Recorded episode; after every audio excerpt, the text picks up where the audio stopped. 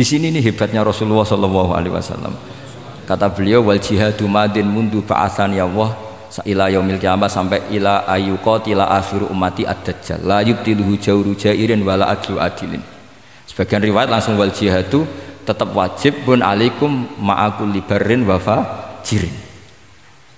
Lah, penjelasan Nabi kenapa kita harus berjuang mengawal Islam meskipun harus ma'akul libarin wafa jirin. Ya kalau di isim fa'ilnya umumnya guru-guru kita baca barin, tapi untuk masdarnya untuk kebaikan bacanya apa?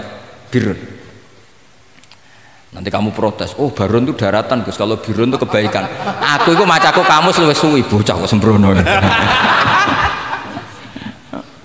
saya ini karena meneliti kiro asapa, jadi insya Allah kalau masalah luhut itu saya sudah bukan sawir lagi fatul sudah di atasnya itu. Sampai sama tidak usah tersinggung biasa aja maksudnya. Karena ini kompetisi. Kalau sama nggak cocok ya harus bersaing jangan geremeng tok. Gus Pak sombong enggak ada usah bilang gitu saingi saja. Maka saya terkenal alim itu seneng karena senengnya itu tadi yang ngidolakan saya ingin ikut yang hasut kompetisi jadi seru. Jangan yang hasut nyantet wah itu gak fair itu. Itu gak fair wah itu pasti ngadepi langit gitu nanti urusannya sama Allah itu. Gak sama saya langsung sama saya ulang lagi ya ilmu itu harus dianalogi dengan fikih, dilogika dengan fikih, dikiaskan dengan fikih. Sekarang misalnya ada orang sok ikhtiyat, wah perang kok abek wong fasik gak enak gini-gini, wong fasik perilakunya gini-gini. Pertanyaannya adalah, kalau kita nyeleksi hanya orang soleh, kita dapat pasukan berapa? Misalnya zaman kita melawan Belanda. Sama sekarang kita ngawal pembangunan masjid. Kadang yang nyumbang nggak sholat, kadang yang nyumbang yang sewu hasil korupsi, kadang yang nyumbang orang-orang yang cara muamalah babal kedua itu coba kalau kamu tolak potensinya gini. Ini oke sekaligus PR saya berkali-kali nyontohkan ini. Sampean boleh tidak setuju tapi nanti menghadapi saya di akhirat. Tidak di dunia di akhirat. Nanti kita sowan Allah bareng-bareng bener siapa. Lo tidak saya tidak main-main. Karena ulama dulu sama lihat di Mu'in di Fatul Wahab kalau sudah ngendikan ulama wahada madhabun al wahabi ini madhab yang saya siap ketemu Allah. Jadi ukuran madhab benar itu bukan diputuskan di sawit Fatul Wahab tapi madhabun sing al bi madhab yang saya ketemu dengan madhab itu misalnya gini ada orang fasik lewat di depan saya punya uang satu juta Delalah pas itu qadhafa fi qalbihi hubbal ulama misalnya. Pas itu delalah beliau senang ulama terus bilang gini, Gus Pak, uang ini tak kasihkan kamu satu juta. Dia fasik, misalnya terkenal syaribul khomri. Saya ini menurut pertanyaan saya, ini jawab saja. Kamu salah nggak apa-apa. Wajib menerima apa haram menerima apa bebas mubah. Ayo milih di polling. Gak usah sungkan Gus Kausar. Ini beliau-beliau posisi senior. Milih nerima apa nolak? Wajib apa sunat?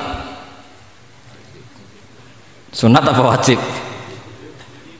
Nah logika-logika harus terbangun begini. Kalau kamu terima maka akan dicibir.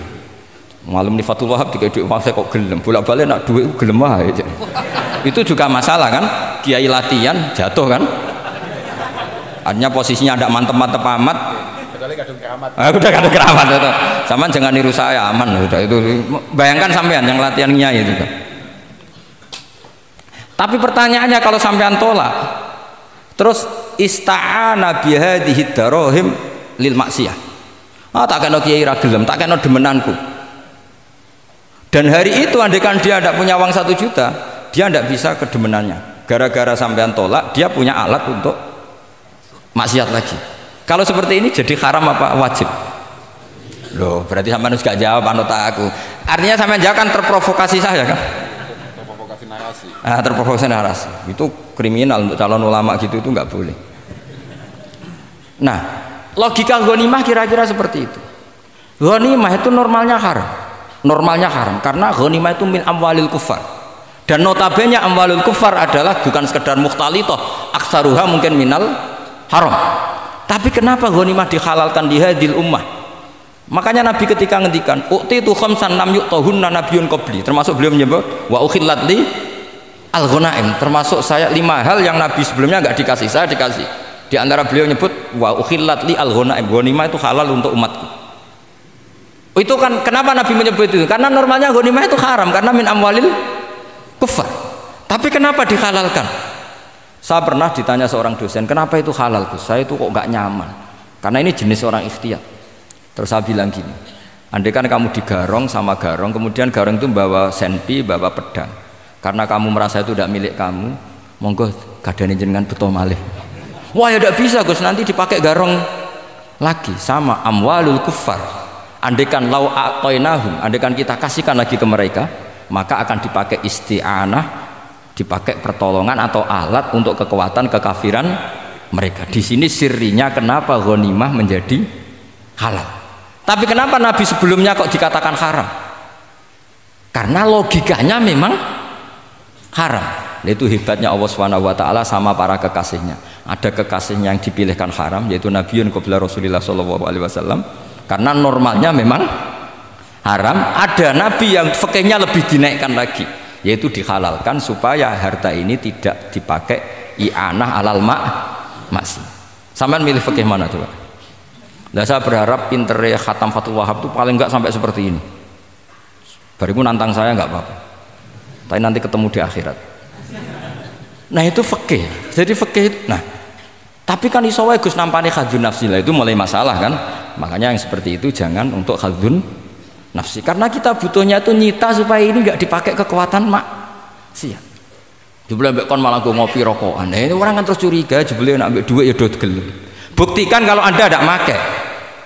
Kamu terima sebagai penyitaan tapi anda tidak make. Wah itu hebat. Tapi kalau kamu terima wajib kemudian kamu pakai poya-poya wah itu ya fakihnya benar kelakuannya benar. Nah saya berharap Anda memahami fikih itu sampai seperti saya ini. Syukur-syukur lebih.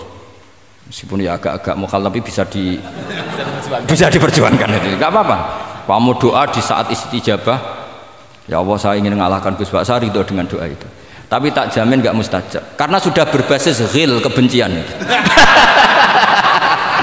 doa yang berbasis hasut pasti tidak mustajab. Ya, sulit jadi makanya saya rela kalau ada kompetitor karena tadi pasti jadi fakih itu gampang.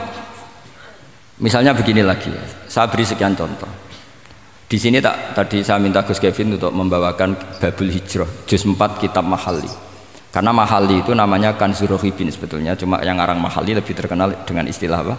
Mahali beliau nyarai kitab Minhajul Talibin. Imam Mahali itu senior. Jadi Syekh Zakaria Ansori itu ya beliau sudah menyulap minhajut talibin jadi manhajut tulab tapi beliau ikrar kalau itu awal-awalnya dari Imam siapa? Nah sekarang pertanyaannya gini. Saya misalnya nempat di Korea Selatan atau di Amerika. Saya sudah punya tanah di sana. Saya ulang lagi punya tanah di sana punya komunitas di sana. Di sana juga saya nggak diperlakukan buruk. Bisa sholat bisa puasa. Hukumnya saya pindah ke Indonesia atau ke Mekah atau ke mana saja. Hukumnya haram apa boleh? Saya tidak mendapat perlakuan yang macam-macam. Kalau saya disakiti dan dipaksa menjadi kafir, maka wajib hijrah. Kalau nggak ada pemaksaan itu, kira-kira hukumnya gimana? Ada ulama yang mengatakan hukumnya haram hijrah, harumatil hijrah. Karena apa? Li Allah yastauliya bitil kalbukah atau tikal bukah al kufaru.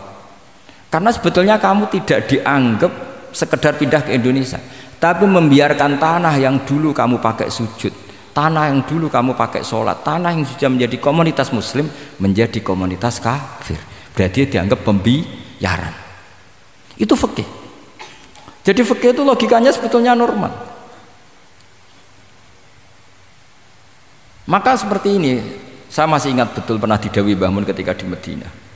Nak zohiri hadis ya itu Sayyidina Ali itu ya onok salah ya. Enggak salah loh redaksinya onok salah Mergo Nabi sering muji wal Madinatu khairun lahum laukanu ya'lamun. Madinah adalah kota terbaik. Sataf tahuna kada wa kada Nabi sampai gitu. Tapi Nabi selalu ngendikan wal Madinah khairul. Tapi Sayyidina Ali tetap pindah ke Irak. Kufah ya zaman itu terkenalnya istilahnya Kufah karena belum ada istilah Irak. Ke Kufah. Pindah ke Kufah kemudian beliau menyebarkan Islam di Kufah. Terus punya murid awal namanya Hasan Basri, murid paling sukses itu orang-orang Basroh bukan orang Temanggung orang Basroh itu orang Basroh semua riwayat mengatakan itu orang apa? Basroh jelas bagul-bagul bukan buatan buatan itu sangat jauh dari nah karena Hasan Basri murid paling sukses ini pindah ke Basroh maka ilmu setelah itu Basroh sehingga idahtala fatil kufah wal Basroh kudimatil Basroh akhirnya menyebar sampai Baghdad jadi kubatul Islam orang bisa dikatakan alim kalau sudah dikatakan alim di Baghdad. Termasuk Imam Syafi'i itu ngajinya di Baghdad. Padahal beliau lahirnya di Gaza. Huzah itu kalau sekarang itu apa? Gaza. Askolan itu juga Palestina. Nah dawe Bahmun. Tapi Sayyidina Ali itu wong alim. Saiki nak wong Islam tengok-tengok ning Medina berarti membiarkan bumi Allah di sana-sana itu tanpa ada Islam. Akhirnya Sayyidina Ali tidak mengikuti dohire hadis. Tentu Nabi Sayyidina Ali pasti mengikuti hadis tapi hadis wal madinatu khairul lahum laukanu ya'lamun itu ada konteksnya keluar dari Madinah linasril ilmi itu juga ada kon konteksnya sehingga kenapa dulu ketika futuhat saya ulang lagi ketika futuhat itu banyak sahabat yang sudah di Madinah mapan ketika Mekah sudah takluk 100% sama si Umar ditawari. Halla roja'tum ila Mekah tatufuna bil baiti kada wa kada wa fadliyatu sholat fil haram ka alfi sholatin fi itu dipuji-puji. Mbok yo pindah ke Mekah. Mekah sekarang sudah milik kita. Sholat di Mekah itu ka alfi sholatin kada wa kada tapi kata para sahabat yang sudah di mana-mana di, di Persia di Persia itu kalau sekarang Iran di Libanon di Syam kalau dulu kata beliau-beliau itu paling banter kalau saya di Mekah ibadahnya tawaf. Tapi kalau di negara-negara ini adalah nasrul Islam. Wa nasrul Islam itu dakbul am biya bihada ursilatir rusul. Karena nasrul Islam itu para rasul diu, diutus